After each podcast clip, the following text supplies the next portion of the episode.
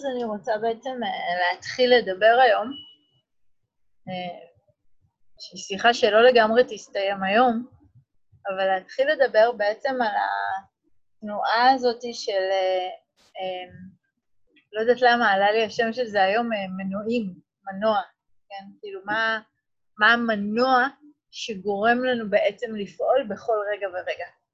כי מה שאנחנו רואים ב- ביום-יום שלנו, אנחנו בעצם, הם, הם, לא יודעת, אולי אם, אם אני אשתמש בדימוי הזה, שאני לא יודעת למה, איפה הוא בא לי, כן, זה לא, לא כזה מעולמי האישי, אבל מה שאנחנו רואים זה את הנסיעה עצמה, או את המקום שהגענו אליו, כן? כאילו ממש פיזית, אני משתמשת במטאפורה הזאת.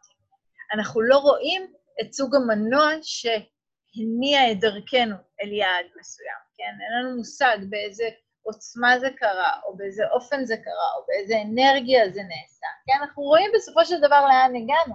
אנחנו רואים אולי את, ה, את, ה, את הנוף מהדרך, אבל לא תמיד אנחנו יודעים מה המנוע שגרם לנו, כן, בכלל להפנות את פנינו לכיוון מסוים, או ללכת לדרך מסוימת. כן?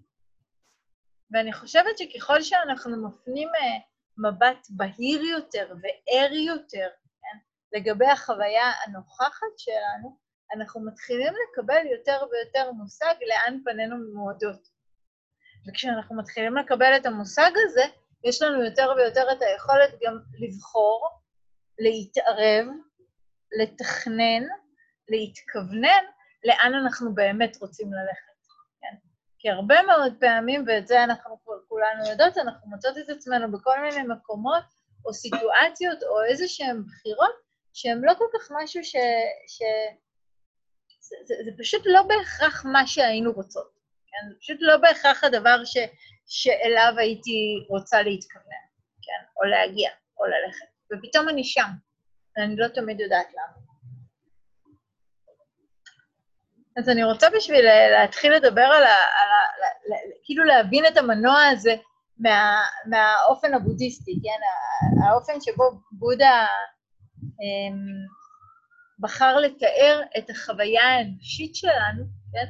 בחר לעשות את זה על ידי כל מיני רשימות שמתארות את התהליכים המנטליים שאנחנו עוברים, אבל אחת החשובות זה בעצם ארבע האמיתות הנאצלות, כן? שבעצם מסבירות ומתארות את חוויית הקיום שלנו, כן? ועל מה היא מבוססת, ומה נוכח שם בעצם בקיום הזה.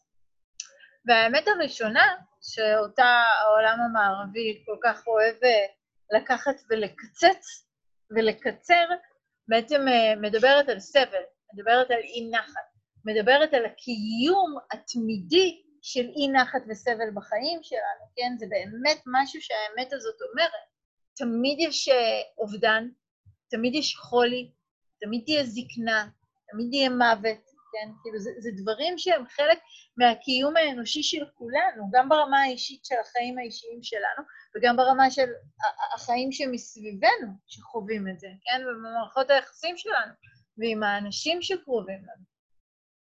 אבל מה שמאוד מעניין שהוא מתאר, זה שהסבל לא מקורו, כן, בזקנה עצמה, או בחולי עצמו, או באובדן, כן, או, או, או, או במוות, אלא בזה שהקיום שלי הוא קיום שלא ער ולא בא במגע עם זה שהדברים האלה כל הזמן ימשיכו לקרות.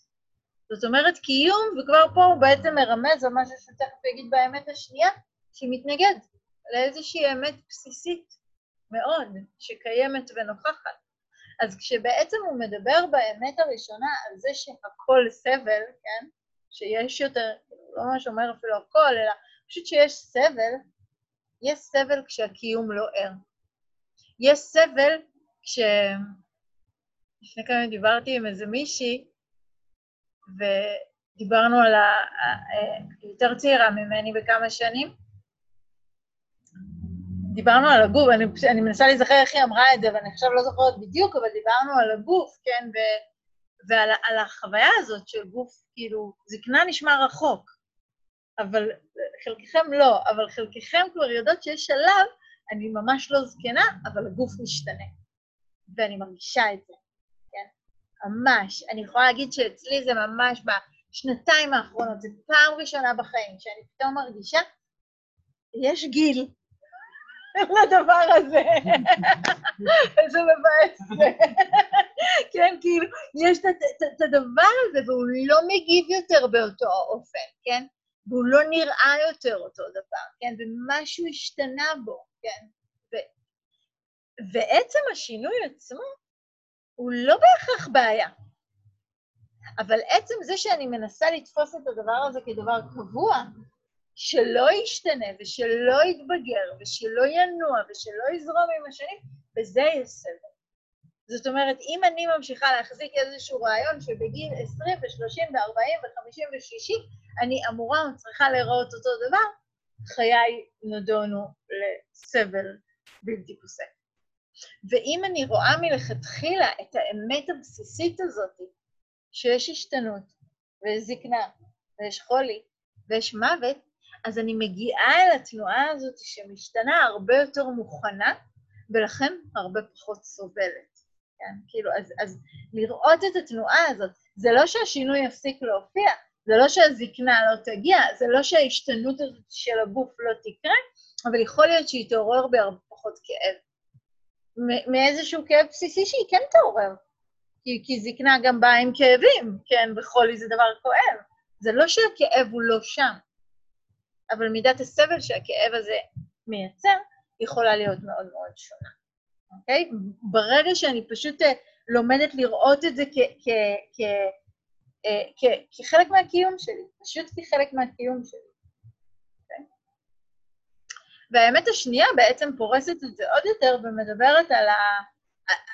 כאילו, קצת אמרתי את זה כבר עכשיו, על המקור הזה של הסבל. כאילו, מה, אוקיי, זקנה יש, יש חולה, יש אובדן, כאילו, אז, אז יש איזושהי נחת, אבל מה באמת המקור? אם זה לא עצם זה שהגוף עצמו משתנה, מה המקור? ובעצם המקור של הדוקה זה התנועה הזאת של התגובתיות. ואם אני אומרת את זה באופן ספציפי יותר, כן, כמו שבודה אמר את זה, אז תגובתיות מאוד מסוימת שמקורה בהאחזות, כן? בצמא הבלתי פוסק שחוויות יהיו באופן מסוים, שהדברים יקרו בצורה מסוימת, כן? שהתוכנית, כן? שתהיה לנו את התוכנית, ושיהיה לה כיוון ודרך, ושאני אדע מה קורה בתסריט, כן? ואיזה, אם הייתי צריכה במילה אחת להגיד מה כולנו היינו רוצים שיקרה, תמיד, תמיד, תמיד, מה כולנו רוצים? שיהיה נעים, כן? פשוט שיהיה נעים. ולזה בודה קורא תנא, כן? צמא. זה מין צמא שאי אפשר להרבות אותו, כי זה צמא שכל הזמן רוצה חוויות נעימות, ואם אני כל הזמן רוצה חוויה נעימה, התגובתיות שלי ביחס למציאות שממשיכה לקרות, היא מושתתת על העיקרון הזה. זאת אומרת, לא משנה מה קורה, זה, זה התיווך שלי, זה הדבר הראשון שפוגש את החוויה ומקטלג אותה. זאת אומרת, קורה משהו ואני פוגשת את זה, ואז אני בודקת, כן, בחיישנים שלי בגוף, האם הם אומרים נעים? כן, יופי, אז בואו נחזיק. האם הם אומרים לא נעים? אז ממש לא יופי. בואו נזיז. ונדבר על כל מיני אופנים של ההזזה הזאת תכף, כן. אבל משהו מאוד מעניין שקורה כבר ברגע הזה, ש, שאני רוצה רגע, אפילו לפני שאני מגיעה ללא נעים, כשאני כל הזמן רוצה נעים, אני בעצם חורצת לעצמי גורל בלתי מסופק, אוקיי? כי, כי אני כל הזמן ממשיכה, לי זה כל הזמן מזכיר את הפאקמן הזה. לא יודעת למי מכם היה מסע, מחשב עם מסך ירוק. זוכר? לא, לא, לחלקכם. דניאל איתי, כן, כאילו, פעם היו מחשבים, כמה זה כן זה נשמע, פעם היו מחשבים שהמסך היה רק ירוק שחור. זוכר. אוקיי, בסדר. אז, והיה פאקמן, בטח היה את זה גם אחרי, אני לא יודעת, אבל כאילו הוא היה פשוט אוכל, כן? המפלצת הזאת שאוכלת ואוכלת ואוכלת ואוכלת ואוכלת, אז לפעמים התנועה הזאת של השתוקקות מרגישה לי ככה, זה סתם, זה היה אנקדוטה לא חשובה בעליל, זה פשוט דימוי שלי יש, כן? כי הוא לא שבע, כן? לפעמים אה, קוראים לזה בבודהיזם הרוחות הרעבות, כן? כאילו, שהן כל הזמן רוצות לאכול עוד. זאת אומרת, יש משהו בנעים שהוא בא יחד עם תחושה, שהוא נעים שקשור להנאות חושים, הוא בא יחד עם תחושה בלתי מספקת. הרבה פעמים הייתי נותנת את הדוגמה הזאת על טישרטים וסניקרס. It's never enough. כאילו, זה, זה אף פעם לא עמדתי מול טישרט טובה ואמרתי, יש לי מספיק. סתם, אני אומרת את זה לפעמים, אבל אני אומרת את זה כתרגיל, לא כי זו התחושה, כן? כאילו, זו ממש לא התחושה. ותמיד יש את התנועה הזאת שרוצה עוד, שרוצה את הדבר הבא, שיש בה איזשהו כמעט, כן? ואז היא משאירה אותי במעגל של אי שקט. שימו לב שיש איזשהו קשר בין הנעים לבין אי שקט. כי אני כל הזמן רוצה את הנעים, אז אני בהשתוקקות, בהשתוקקות יש אי שקט. וברגע שהשגתי את הנעים, אז אני בהאחזות, ובצורך לשמור עליו ולהגן עליו ולדאוג שהוא לא ישתנה וששום דבר לא, לא יקרה פתאום אחרת ושהוא לא ייעלם או, או יתקלקל או לא יודעת מה. אז גם בזה יש אישית. כן? אז הם נורא קשורים זה בזה. זה מעגל כזה שמייצר את עצמו. וכמובן שהמעגל הזה מוליד גם את המעגל השני, שמתנגד לכל איום, כן? זה, זה ממש מין תחושה כזאת של מתקפה, של... אה, אה, זה, זה תמיד, לי, לי זה נהיה נורא בולט במקומות שהכל נורא נעים בהם, שזה בעיקר מבחינתי סיני, כן? ו, ו, אבל נגיד סיני, שהכל נורא נעים, יש לי את החושה שרציתי, בחוף שרציתי, עם הארסל שרציתי, והכל כזה מושלם, פתאום באה איזו חבורה עם רמקולים. נכון? מכירים את זה? והם כזה מתיישבים בחוש על היד, והם לא, לא שומעים איזה... עלה לי מיקייב, אבל כאילו, הם לא שומעים משהו טוב, כן? כאילו, הם פתאום... פעם אחרונה שזה קרה לי, זה היה איזה מסיבת רווקות, כזה מלא כזה ביונסה, שזה מהמם, אבל פחות מסיני, כן? והתנועה הזאת שחשה את הדבר הזה, את ההופעה של הבנות האלה על החוף פתאום, כמתקפה על הנעים שלי. וכמה מיד יש איזשהו קול בתוכי שמתקומם, כן? והוא יוצא למאבק. לא, לפעמים לא, לא במגע איתם בכלל, אבל מבפנים מתחילה התנועה הזאת שנאבקת, כן? אז בעצם התנועות האלה, אנחנו רואים שזו תנועה אחת. זה, זה גם התנועה שנאבקת בלא נעים, היא תנועה שקיימת בשירות הנעים. היא עוד חייל בצבא הנעים, כן? אם אני אגיד את זה ככה, כן? כי יש את הנעים, והוא המקודש והחשוב והמוחלט, וזה שכל הזמן צריך לעבוד בשביל שהוא יקרה. ובשירות שלו בעצם מתקיימים כל החיילים האלה שעומדים עכשיו להילחם את, את, את המלחמה בלא נעים, כן? לצאת למאבק. כדי שהנעים הזה יוכל להמשיך ולהתקיים. ומה שבעצם, אה, יש אה, אחת הדרשות היפות של אגודה, הדרשה על החץ, שחלקכם מכירים אותה, אה, מדברת על, על, על המשל הזה של אדם שהולך ביער ונורא מחץ. ואין לו מה לעשות, פשוט כאילו shit happens, כן? כאילו, הוא פשוט הלך ביער וזה קרה. וזה רע, וזה נורא, וזה כואב, כן? אבל זה החץ הראשון, ויש בו איזשהי כאב שהוא כאב שהוא בלתי נמנע. הוא לא יכל לצפות את זה. אבל עכשיו יש לו ברירה. ואומרים שהאדם שהוא מיומן, כן, בתרגול שלו, הוא פשוט כאילו יוציא את החץ, כן, וילך, וימשיך ללכת, כן, ילך למקום אחר, בטוח יותר, מוגן יותר, כן. כאילו יכאב, ישים את הפלסטר או ישים את המשחה, ובזה זה ייגמר. אז זה יהיה כאב, כן? אבל זה כל מה שזה יהיה.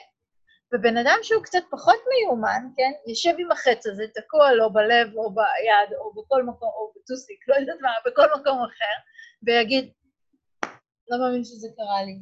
למה זה קורה לי? תמיד קורים לי הדברים האלה, אני כזה כישלון, כן, אני כזה גרוע, כן? מתחיל להתלונן ולקונן ולהתאבל ולכאוב, והדבר הזה בעצם רק תוקע בו את החץ, יותר עמוק, ויותר עמוק, ויותר עמוק, ויותר עמוק, ומשהו שהתחיל בתוך כאב, הפך להיות סבל. ובעצם, מה שאנחנו מדברים עליו פה, זה שככל שאני מעורבת יותר ב, אמ, ביותר תגובתיות סביב הכאב, הכאב מתעצם והופך לאט-לאט להיות יותר ויותר סבל. ומה שאנחנו בעצם רוצים להתחיל לעשות כשאנחנו פוגשים מצבים של קושי או כאב בחיים שלנו, זה להתחיל להפריד ביניהם. מה כאב? והוא בלתי נמנע, כי הוא קורה, הגוף משתנה, ומהו סבל? הוא אופציונלי, שזה מה שאני חושבת שהגוף שלי אמור וצריך להיראות. וכמה סבל, כמה סבל באמת השינוי של הגוף היה, עשה? וכמה סבל האג'נדה שאומרת, את אמורה להיראות ככה וככה, כמה סבל זה עשה.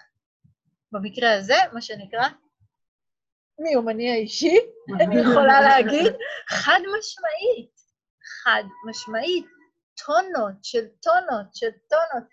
לפני כמה זמן, באמת, אה, אחד ה... כזה יצא לי לעשות כמה ריטריטים כאלה קטנים בתקופה הזאת, ואחד מהם באמת היה לי כזה איזה פריצת דרך בחוויה הזאת אל מול הגוף זה אישיו אצלי בחיים, כן? זה היה אחד הקשים, כן? וזה עד היום אה, פעיל ברמות כאלה ואחרות. ופתאום היה איזה קטע שיכולתי להסתכל על הגוף, סתם לא תכננתי להגיד את זה, אבל זה קשור, כן?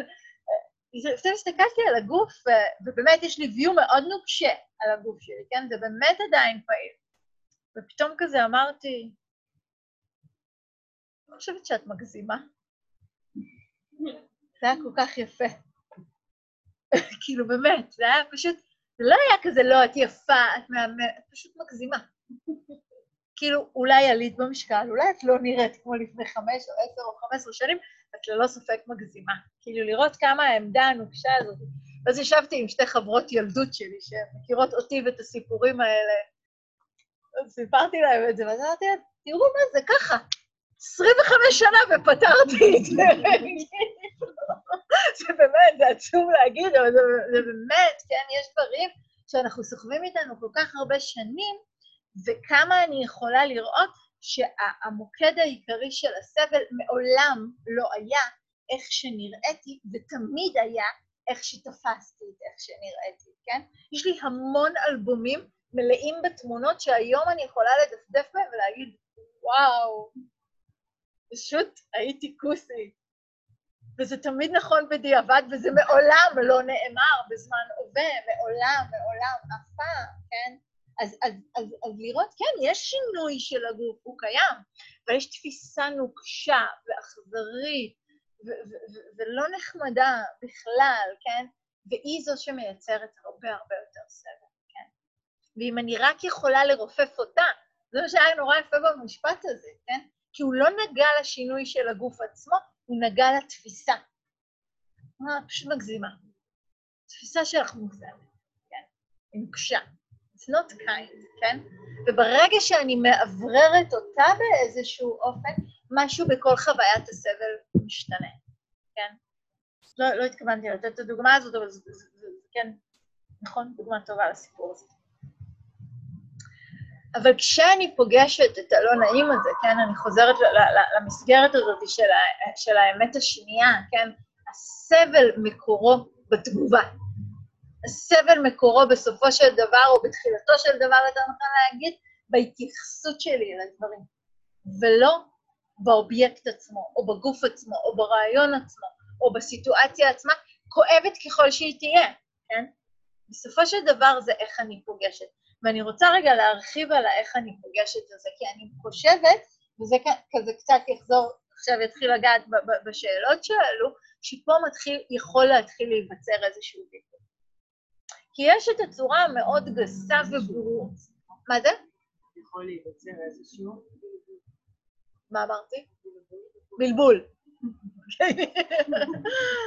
אז יש את התגובה המאוד גסה וברורה שקורית כשאני פוגשת את הלא נעים, כן? שנורא קל לזהות אותה. וזו תהיה תנועה מאוד גסה של התנגדות, שפשוט אומרת, אני לא רוצה. והיא יכולה לבוא לידי ביטוי בכל מיני מופעים שיש בהם מה... כאילו, אני רוצה להגיד מוחצנות, אבל לא מהבחינה של אה, משהו מוגזם בכך, אלא פשוט, נגיד, המון ביקורתיות. נכון? כל מי שמתרגל כבר זמן מה יודע שכשעולה הקול הביקורתי, בעצם הקול שעולה זה הקול שמתנגד. כלומר, אני לא רוצה את זה. אני לא רוצה אנשים שחושבים ככה, אני לא רוצה את הסיטואציה הזאת באופן שזה, אני לא רוצה את זה או את זה או את זה או את זה, כן, כאילו, ו- וצריך להיות ככה וככה וככה, ולא צריך להיות ככה וככה. התנועה הזאת שהיא מבקרת, ששופטת, בין אם זה את האחר ובין אם זה את, את עצמי, כן? יש פה איזושהי תנועה שמתנגדת. אם אני משתמשת, שוב, סתם, כי אני על הגל, בדימוי הזה של הגוף, כן? ללא ספק זה שיש לי ביקורת מאוד נוקשה על הגוף שלי, קשור לזה שיש לי התנגדות לאופן שבו הגוף שלי מתהווה ברגע מסוים, אוקיי? ביקורת היא תמיד קשורה להתנגדות, כן? תמיד קשורה לאיזושהי חוויה לא נעימה שאני לא רוצה אותה כרגע. וזה די גא... כן, זה, זה ברור הקשר? אם הייתי מקבלת את הגוף שלי, אם היה לי נעים עם הגוף, כנראה שלא הייתה לי מתעוררת ביקורת כל כך נוקשה ביחס אליו. ברגע שנהיה לי לא נעים עם הגוף, כן? או נגיד ברגע שנהיה לי לא נעים בתוך איזושהי מערכת יחסים עם איזשהו אופן התנהגות מסוים של חברה נגיד, כן? ברגע שנהיה לא נעים, אני גם הרבה פעמים מתחילה לבקר את זה.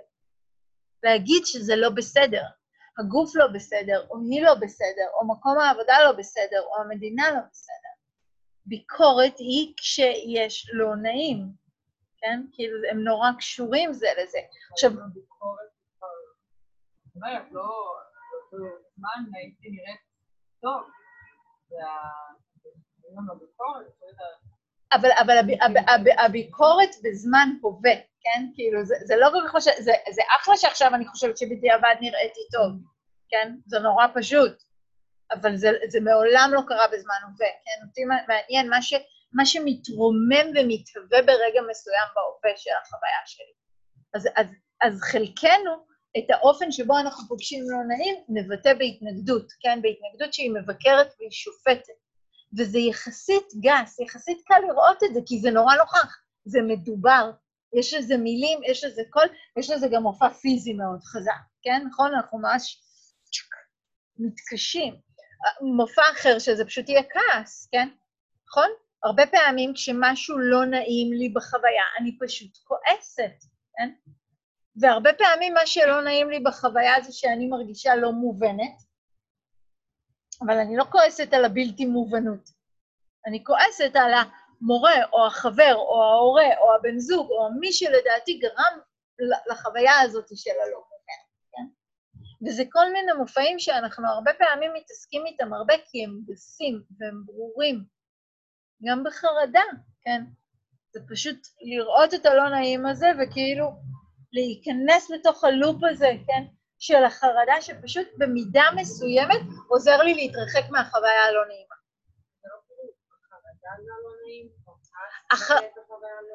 ברור שחרדה וכעס מולידות עוד תחושות לא נעימות, אבל הן קודם כל תגובה לאיזה אי נעימות בסיסית שקרתה, אוקיי? אבל אני דווקא לא רוצה להתמקד היום במופעים האלה, שעליהם אנחנו דווקא מדברים די הרבה, אבל זה תכף יהיה רלוונטי להכל. אני רוצה ללכת לרמות הקצת יותר מעודנות במרכאות, או יותר אה, נחבאות של התגובות שלנו אל הלא נעים, וזה כל מיני מופעים שונים של מה? של הימנעות, כן? שזה הרבה יותר טריקי כבר, נכון? אז הרבה פעמים כשאנחנו מתחילים לזהות אזורים שהם לא נעימים בחיים שלנו, אנחנו מתחילים להגיב אליהם באופן של הימנעות, וגם לה יש הימנעות ברורה יותר והימנעות חמקמקה יותר. והימנעות שהיא כאילו ברורה יותר זה פשוט לא ללכת לשם. אזורים שבהם אני יודעת שלא נעים, להלן קונפליקטים, כן? שזה הרבה מאיתנו מרגישים שהדוגמה, הסיפור הזה שסיפרתי להרבה מכם, אני חושבת על אבא שלי, שבכל פעם שנהיה משהו לא נעים, כן, זה, זה, זה נהיה כזה מושג, שפעם היינו בחתונה וכולם נהיו שיכורים באיזשהו שלב וקפצו למים, ואז הוא פשוט הסתכל על אמא שלי ואמר, זה ייגמר לא טוב, בואי נלך. אני אלך. משהו נהיה לא נעים בחוויה, כן? ולהרבה מאיתנו זה קורה נגיד בתוך קונפליקטים, בתוך איזושהי צרימה, בתוך איזושהי אי הסכמה עם הצד האחר, ומיד יש את התנועה הזאת שרוצה ללכת, כן? שרוצה לא להיות כאן. ולאט לאט אנחנו שמים לב שכגודל הלא נעים, עלולה להיווצר גודל ועוצמה של הימנעות מסוימת. כי אם הלא נעים הזה נשאר מאוד לא נעים, ואני לא פיתחתי שום יכולת לשאת ולבוא במגע עם הלא נעים הזה, אז יכול מאוד להיות שאני אצור אסטרטגיה של גבולות מאוד מאוד חזקה ומוצקה כדי לא להתקרב לאזור הזה. ואז אני לאט לאט אתחיל לתחום אזורים מסוימים בחיים שאני אומרת לעצמי, אני לא אוהבת אותם. לא אוהבת. זה כזה לא אישי. זה לא, זה, זה לא שיש לי בעיה.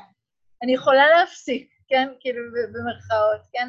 התנועה הזאת היא שאני פשוט... אה, חבר ממש יקר, כן? שהייתה לי שיחה איתו כזה לא מזמן, שהוא גם אה, אה, מטפל והוא גם מורה. והוא מאוד מאוד אוהב לטפל, ומאוד מאוד קל לו לטפל, המרחב הזה של האחד על אחד, כן? מאוד מאוד פשוט עבורו, כן? ומשהו בהוראה מלחיץ אותו יותר. ולאט לאט אני רואה איך הוויו שלו נהיה הוויו שאני אוהב לטפל ואני לא כל כך אוהב ללמד. עכשיו, זה ממש בסדר לאהוב לטפל ולא לאהוב ללמד, אבל מאיפה זה בא? האם זה בא באמת כי זה מה שאני אוהב, או האם, כן, יש שם איזושהי תנועה שמתחילה להרגיש חוסר ביטחון, או איזשהו איום מסוים, או איזושהי אי-נעימות מסוימת, ולכן לאט לאט מתרחקת, ותוך כדי ההתרחקות מתחילה לספר לעצמה סיפור שאני פשוט לא אוהבת את זה. ופה אני רוצה להגיע לרמה יותר מעודנת של החוויה של ההימנעות, כן? כי ככל שאני מתחילה להתרחק מחוויה ולספר לעצמי שאני לא אוהבת אותה, אני גם לאט לאט מתחילה להשמיע את הקול שלי פחות ופחות. ובהקשר הזה נגיד של אה, קונפליקטים, שזו דוגמה מאוד מאוד טובה לזה, אז יש פשוט אני לא אוהבת להיכנס לקונפליקטים. אז הרמה הפשוטה של זה זה שאני אהפוך להיות אדם שהוא אה, אה, לא פוליטי. כי בן אדם מאוד פוליטי אין סיכוי שהוא יכול להימנע מקונפליקטים, נכון? יש לו דעה ויש לו אג'נדה, ויהיה לו מאוד מאוד קשה לו להביע אותה, כן? אז, אז בהתחלה אני רק אהפוך להיות פוליטית פחות, או לא יודעת מה, עם, אה, אה, פחות אקטיביסטית, כן? כאילו כל מיני דברים שהם, שהם ירחיקו אותי מאזורים כאלה שמחייבים. אבל לאט לאט זה יגיע לתוך מקומות שבהם אי אפשר לחיות בלי דעה. אי אפשר להיות במערכת יחסים. כל מערכת יחסים. בין אם זה ההורים שלנו, בין אם זה הבני זוג שלנו, בין אם זה ילדים שלנו, ובין אם זה פשוט החברים והחברות שלנו, בלי שתהיה לנו דעה. וכשאני לא יודעת לבוא במגע עם החוויה הזאת של אה, לא נעים ברמה של אי אלימה, שאני חושבת ככה, ושי אולי חושבת אחרת ממני, כן?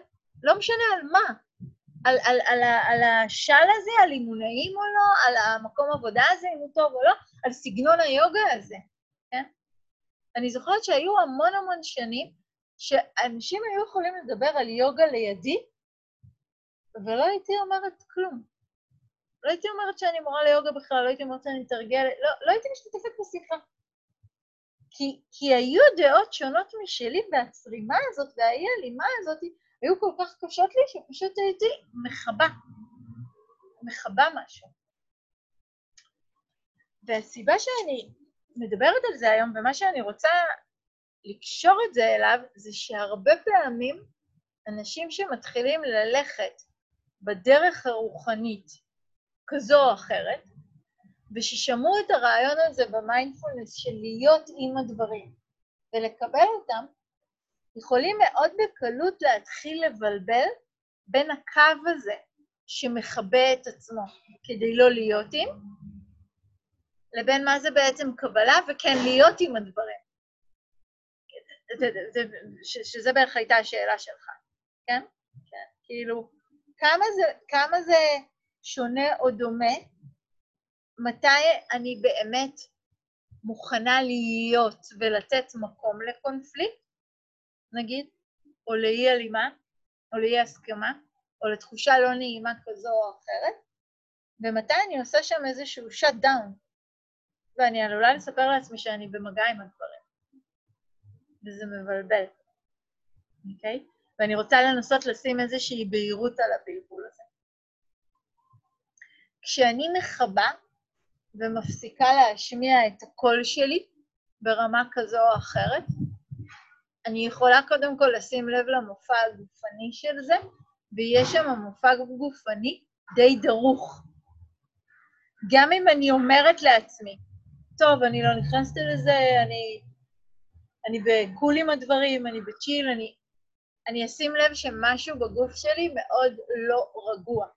עכשיו, זה לא אומר שיהיה שם אי שקט, יכול להיות שאצל חלקנו זה יתבטא באי שקט, אבל אני חושבת שאצל הרבה זה דווקא יתבטא באיזושהי אה, כפייה כזאת, כפייה דרוכה, פשוט מין כזה פאוז כזה של הגוף שהוא עוצר ומחכה פתאום שהוויכוח הזה יעבור מעליו, או האי נעימות האלה יעברו, וכאילו מין עוצר את הנשימה.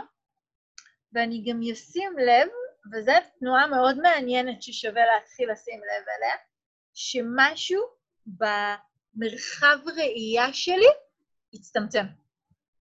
שאם לפני רגע כזה היה כזה דיון נעים, וזה אמר זה, וזה אמר זה, וכאילו היה כזה משהו מאוד פתוח, פתאום משהו נסגר, ופתאום נהייתה רק אפשרות אחת. יכול, יכולים להרגיש את, את, את מה שאני מדברת עליו? זאת אומרת, אני פתאום ממש מתקבעת, לא, רק זה טוב. זו האופציה היחידה. זו הדרך היחידה. אני יכולה רק את זה, ואני לא יכולה את זה. כן, פתאום משהו בחוויה של הקיום שלי במרחב נורא נורא מצטמצם. יכול מאוד להיות שזה גם יתאפיין בזה שאני פתאום יהפוך להיות מאוד מאוד עסוקה רק בסיפור שלי, ולא כל כך אצליח יותר לראות את הסיפור של הצד השני שנמצא כאן, כן? זאת אומרת, משהו, אה, כאילו, ממש נסגר. לעומת מצב שבו אני באה במגע עם הדברים, שבו באמת יש את הקבלה, זה יהיה מצב של תחושה של רוחב, של פתיחות, של גמישות ושל יצירתיות במחשבה. שפתאום אתם מכירים כזה, את הרגע הזה שפתאום עולה לכם מחשבה, רגע, אולי הוא בכלל לא התכוון לזה. אגב, זו לא מחשבה שעולה הרבה, נכון?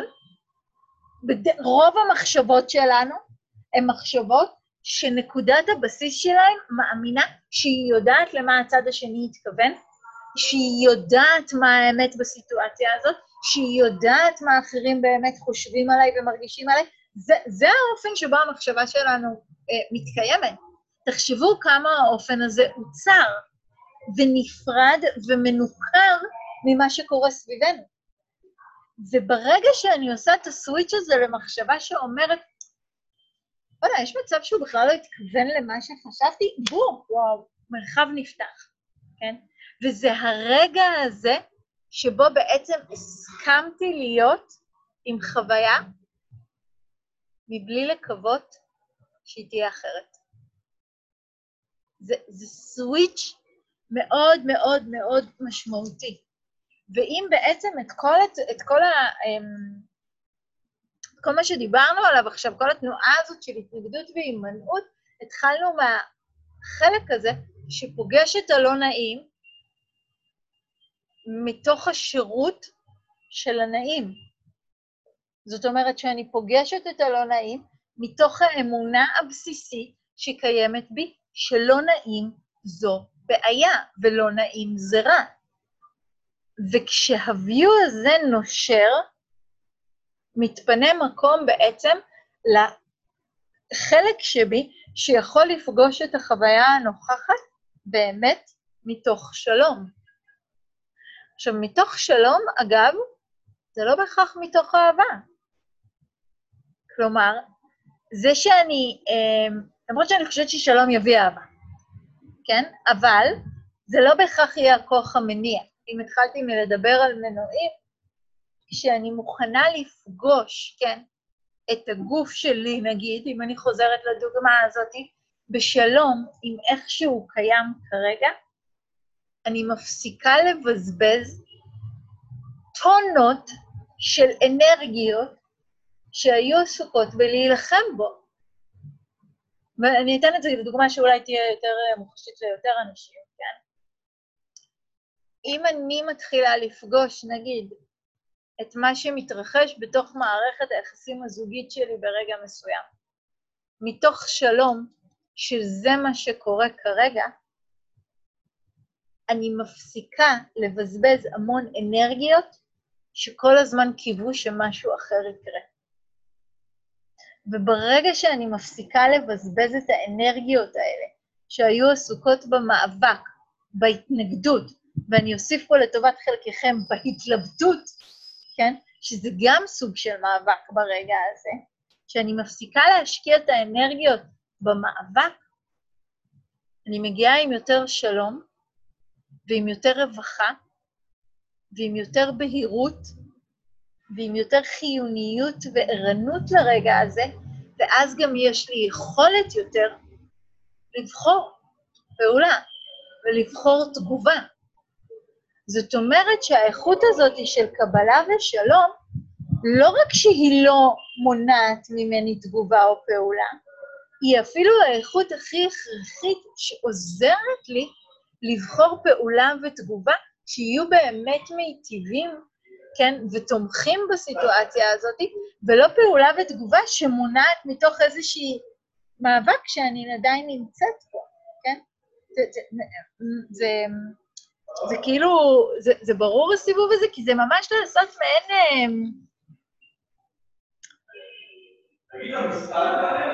מעין איזשהו אה, אה, מהפך באופן שבו אני פוגשת את החוויה, שהוא בעצם, אה, זה, פשוט כשעולים במדרגות זה נשמע כאילו הם ממש פה, הם עוד שנייה ייכנסו הביתה. תודה.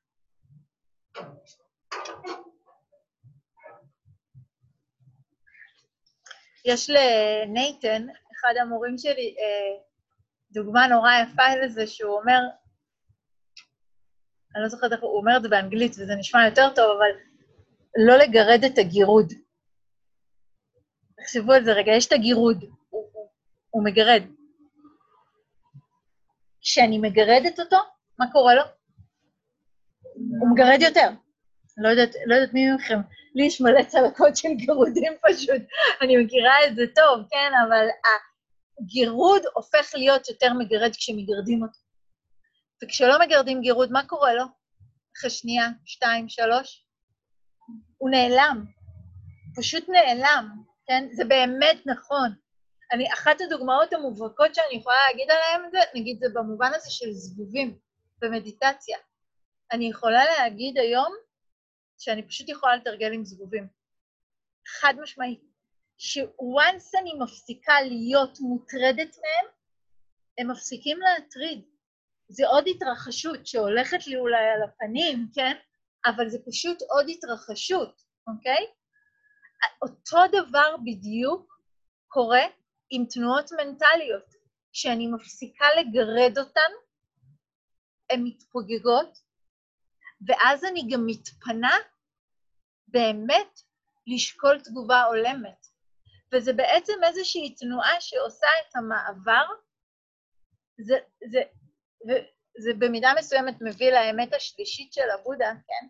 שאם באמת השנייה הוא אמר שהמקור של הסבל זה הצמא הזה והתנועה הזאת של האחזות והתנגדות, אז באמת השלישית הוא מדבר על זה שהשחרור מהסבל מקורו לא בהיעלמות של העולם או של האובייקטים, אלא בהיעלמות של התנועה הזו שאוחזת ומתנגדת. זאת אומרת, לא בהיעלמות של הקונפליקטים, או של הקושי, או של החולי, או של הזקנה, או של המוות. השחרור יהיה רק כשאני אפסיק לקוות שהדברים האלה לא יהיו. כשאני אסכים שהם יהיו, באמת אסכים שהם יהיו, באמת באמת בכל ליבי אתן מקום לזה שיש פה כרגע תחושה של אי נחת, שלא נעים לי שהוא חושב אחר, אחרת, ש, שיש לי פה קול שרוצה להישמע ואני אפסיק להגיד לו שאסור לו להיות, כן? שאני אסכים להגיד שזה בסדר להיות לא בסדר, שזה בסדר שהקול שלי יחשוב אחרת, כן? בכל הרגעים האלה, כשאני אפסיק להילחם, זה פשוט הנשירה הזאת של הקליפות האלה, שייתנו סוף סוף מקום לחוויה להיות, ואז לפעול. כי כשאני פועלת מתוך התנגדות, כשאני בשירות הנעים, בשירות הזה שנאמן באופן אבסולוטי למוחלט הנעים, שחייב תמיד להיות נעים, אני עושה המון פעולות פזיזות, המון תגובות שמנוהלות על ידי הרודן הזה, שהוא לא מסופק אף פעם, ואז אני באמת עודפת, או מתנגדת, או מבקרת, או שופטת, או נמנעת, כן? או לא נוכחת, או נעלמת, ממש נעלמת. יש מקומות, אני, אני אגיד עכשיו אפילו משהו, הרבה פעמים, כן, ב, ב, ב, אמ, גם ביחסים רומנטיים, גם ביחסים נעימים, אה, מיניים, כמה פעמים, משני הצדדים של המגדר אגב, אנחנו נמצאים בתוך סיטואציה וממשיכים להיות בה, כי לא נעים, כי לא נעים לעצור, כי לא נעים, כן? כאילו, ואז אנחנו מנסים לזרום עם זה באיזשהו אופן, וזה לא זורם, זה נתקע, כן? הרבה פעמים שאני אסכים לתת מקום לקול הזה שאומר לי, לא נעים עכשיו, או כן נעים עכשיו, או זה מה שיש עכשיו, אני אתפנה מהתגובה שכופת או מתנגדת או כועסת או נלחמת, ואני פשוט אתפנה לטובת מענה מודע וחי ובוחר וחופשי, כן? כמה זה שונה. זה לא אומר שלא תהיה תגובה, זה אומר שלא תהיה תגובתיות. התגובתיות הזאת תהיה התגובתיות אשר תהיה אצל כל אחד מאיתנו, היא זו שמייצרת את הסבל. כי היא הרבה פעמים לא באה בהלימה עם החוויה הנוכחת שלי, אלא בהלימה עם איזשהו הרגל שהתרגלתי להגיב דרכו. וכשאני משנה את התנועה התגובתית הזאת למקום שקודם כל נפתח, קודם כל שלום, כן? זה כל כך, אה, לא יודעת, בעברית, יש איזה, זה יותר חזק להגיד את זה בשפה העברית, כי זה פשוט לא חיים ככה. כאילו, יש פה איזו מדיניות שלא מפנימה את התנועה הזאת, אבל קודם כל שלום, אחר כך נדבר על מה ואיך. זה אותו דבר עם החוויה המנטלית שלנו. קודם כל שלום איתה. ומתוך השלום הזה תבוא פעולה. היא פשוט תבוא כל כך יותר מדויקת, כל כך יותר נכונה, כל כך יותר מיטיבה ותומכת גם לעצמנו, אבל גם עבור הסביבה שלנו. אז, אז, אז, אז, אז אני חוזרת כאילו רגע אחורה על, על, על כמה דברים אחרונים, ואז כזה גם נפתח את זה לשאלות שאני רוצה לדייק, לראות. כשאני לא באה במגע עם הדברים, זה לא מאופיין באיכויות של שלום. זה מאופיין הרבה פעמים באיכויות של כפייה, של חולשה, של תנועה כזאת של התקטנות, של היעלמות לתוך הסיטואציה, זה לא זה. תלמדו לזהות את זה, זה לא זה. זה מקום שבו אנחנו מפסיקים להשמיע את הקול שלנו. או שאנחנו מתחילים לצעוק נורא חזק כי אנחנו ב... כן, נכון? כאילו, זה זה. זה, זה, זה, זה אחד משני הקצוות האלה. ויש את הקול הזה באמצע שמוכן לעשות שלום, שהוא מאופיין בפתיחות, בגמישות, במילים כמו אולי בעצם, כן? מה עוד? מה יכול להיות? והתנועה הזאת שנפתחת אל החוויה, היא תנועה שפשוט תוריד ממני כל כך הרבה משקל ותפנה אותי רגשית ומנטלית לבחור. אבל באמת לבחור בתגובה ובפעולה. והיא תיתן לי המון אנרגיות של עשייה, הרבה יותר מיטיבה. האמת הרביעית של הבודה זה באמת האמת שמתארת את הדרך. וזו דרך שמתוארת בעצם בשמונה תרגולים, כן? דרך כפולת השמונה. ובעצם כל המפגשים הבאים, מה שאני רוצה שנדבר זה על כל שמונת החלקים האלה של הדרך, כל שמונת האספקטים. כי לכל אחד מאיתנו יש חלקים שהם באופן טבעי גם ככה חזקים יותר ונוכחים יותר בחיים שלו ובתרגול, וחלקים אחרים שאולי פחות. ו- ובכל רגע כזה שאני נתקלת במקום שבו אני לא יודעת, כנראה שמשהו נחלש. יש שם משהו שהייתי רוצה לחזק, לטפח, להעיר ולהבהיר ולהחיות אותו ברגע מסוים. אז זה מה שבעצם נעשה בכל המפגשים אה, הבאים. בואו ניקח כזה עוד אה, רגע של שקט. ואני אקריא לכם אה, שיר יפה שהקראתי, אבל הפעם הוא ממש מתאים. כתבה אותו מישהי בשם אה, לימור וייסברג כספי.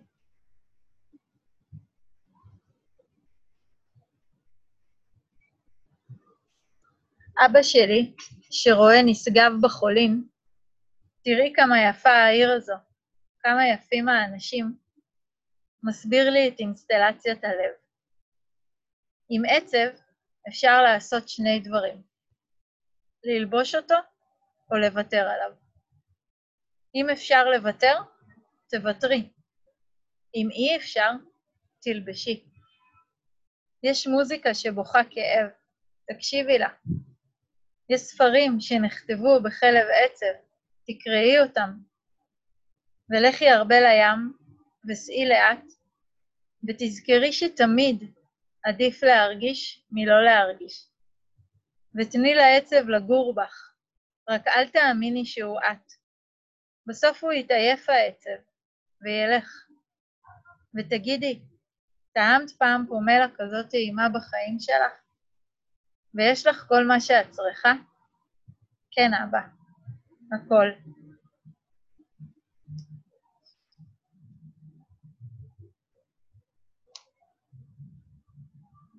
אז אפשר לקחת ככה עוד רגע עם המילים האלו.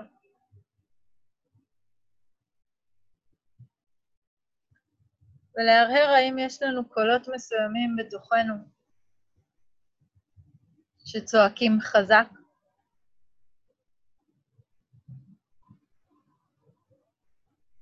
ואם יש קולות אחרים אולי שבקושי נשמעים.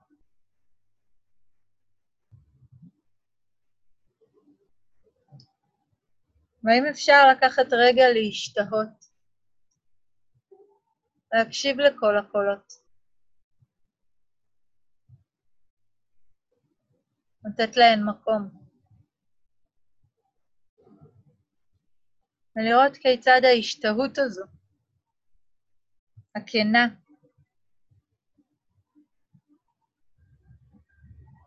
תוכל לבוא במגע ולאפשר לנו מרחב של יצירתיות, גמישות, אומץ, בחירה וחופש.